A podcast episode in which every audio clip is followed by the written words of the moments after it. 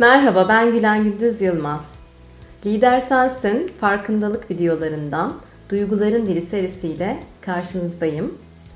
Bugün duygulara gitmemize engel olan yargılardan ve yansıtma kavramından bahsetmek istiyorum.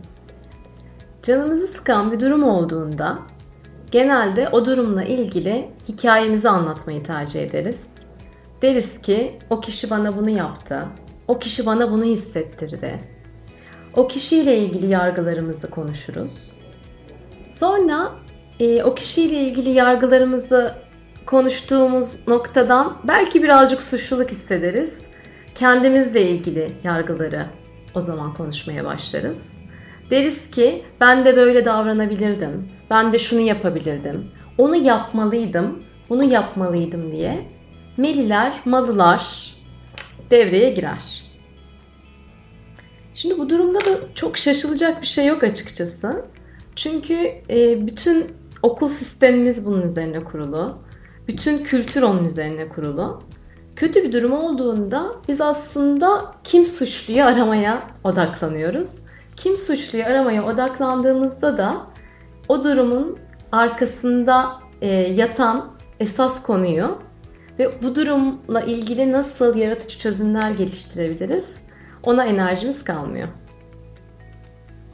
Örneğin barışı bile konuştuğumuzda aslında savaşa hayır diyoruz. Ya da e, diyoruz ki işte e, vegan beslenmeliyiz diyoruz. Vegan beslenmeliyiz dediğimizde tüm e, etobur beslenmeyi tercih edenlere savaş açıyoruz. Yani biz aslında barış istiyoruz ama barışı isterken seçtiğimiz yöntem bir tarafın suçlu ya da bir tarafın haksız olduğuna inandığı için çok yöntem olarak barışçıl yöntem olmuyor. Şimdi peki ne yapacağız? Kafamızdaki bu melileri, malıları, yargıları nasıl kaldıracağız? Bana sorarsanız bu ömür boyu aslında sürecek bir yolculuk. Bizi özellikle tetikleyen durumlarda karşımızdakiyle ilgili genelde böyle güçlü yargılarımız olur. Deriz ki bu insan mesela cimri. Bu insan bencil. Bu insan kendini beğenmiş. Bu etiketler karşımızdaki insanla ilgili genelde bizim kendi içimizde çok da belki farkında olmadığımız bir duruma işaret eder. Ee, karşımdaki insana etiketlediğimde ben onu bu karşımdaki insan olsun milyonlarca özelliğinden ve milyonlarca durumundan aslında bir tanesini görüyorum demek. Halbuki bu insanın başka milyonlarca özelliği var. Ama ben bunu görüyorum. Bu da benim. Ve benim de milyonlarca özelliğim var. Ben bunu görüyorsam bu benim içerimdeki bir parçayı işaret ediyor. Çünkü ben ona fokuslanıyorum ve onu görüyorum. Bu kavrama e, psikolojide projeksiyon ya da yansıtma deniyor. Daha spiritüel camialarda ayna olarak söyleniyor. Ben bunu görüyorsam bu benim içerimdeki bir duruma tekabül ediyor. Diyelim ki e, karşımdaki insana cimri diye bir etiket koydum. Bu bana dair ne söyler?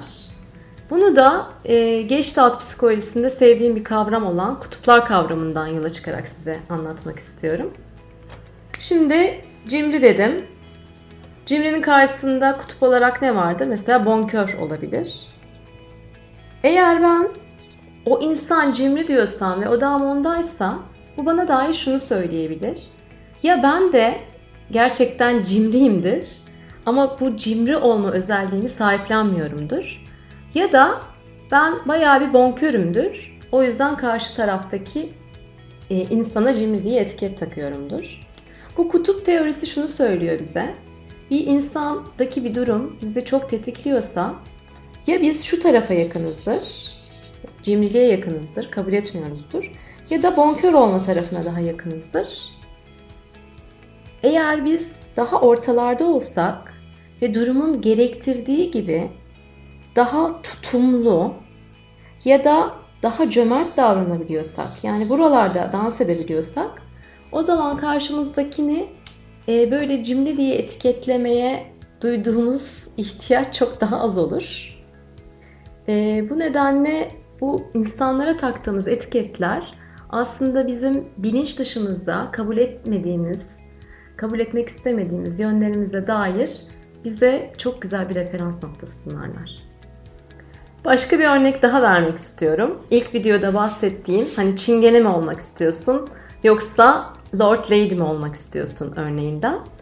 Ben daha e, duygularını göstermeyen, spontan yaşamayan, o Lord ve Lady tarafına yakın olduğum için duygularını böyle e, oldukça yoğun yaşayan ve bunları gösteren insanları da çingene şeklinde etiketlemeye eğilimim oluyordu. E, şu anda e, duygularımı daha göstermeye kendime izin verdiğim için insanlar duygularını çok yaşasalar da e, beni tetiklemiyorlar. O nedenle e, bu insanlarda gördüğümüz ve içimizde yargıya neden olan e, düşünceleri bir kenara koyup bu benim içimde acaba neye işaret ediyor diye bakabilirsek esas çözüm bize o zaman gelebilir. Bahsetmek istediğim bir diğer konu da şu. E, biz bazen yargıladığımız için kendimizi yargılıyoruz. Ben yargılamamalıydım. O kadar eğitim aldım, o kadar bunları öğrendim de diyebiliyoruz. E, aydınlanmamış insanlar olarak yargılamamız gayet normal. Yargıladığımız zaman onu fark edip e, bu yargının arkasında acaba bana dair neler var diye bakarsak e, çok daha sağlıklı çözümler geliştirebileceğimize inanıyorum. Şimdi isterseniz bu videoyu kapattıktan sonra şöyle bir şey yapın.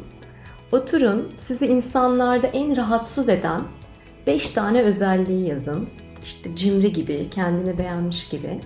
Ve ondan sonra da kutuplarda acaba hangi iki taraftan hangisine daha yakınsınız? Bir onunla ilgili küçük bir keşif yapın.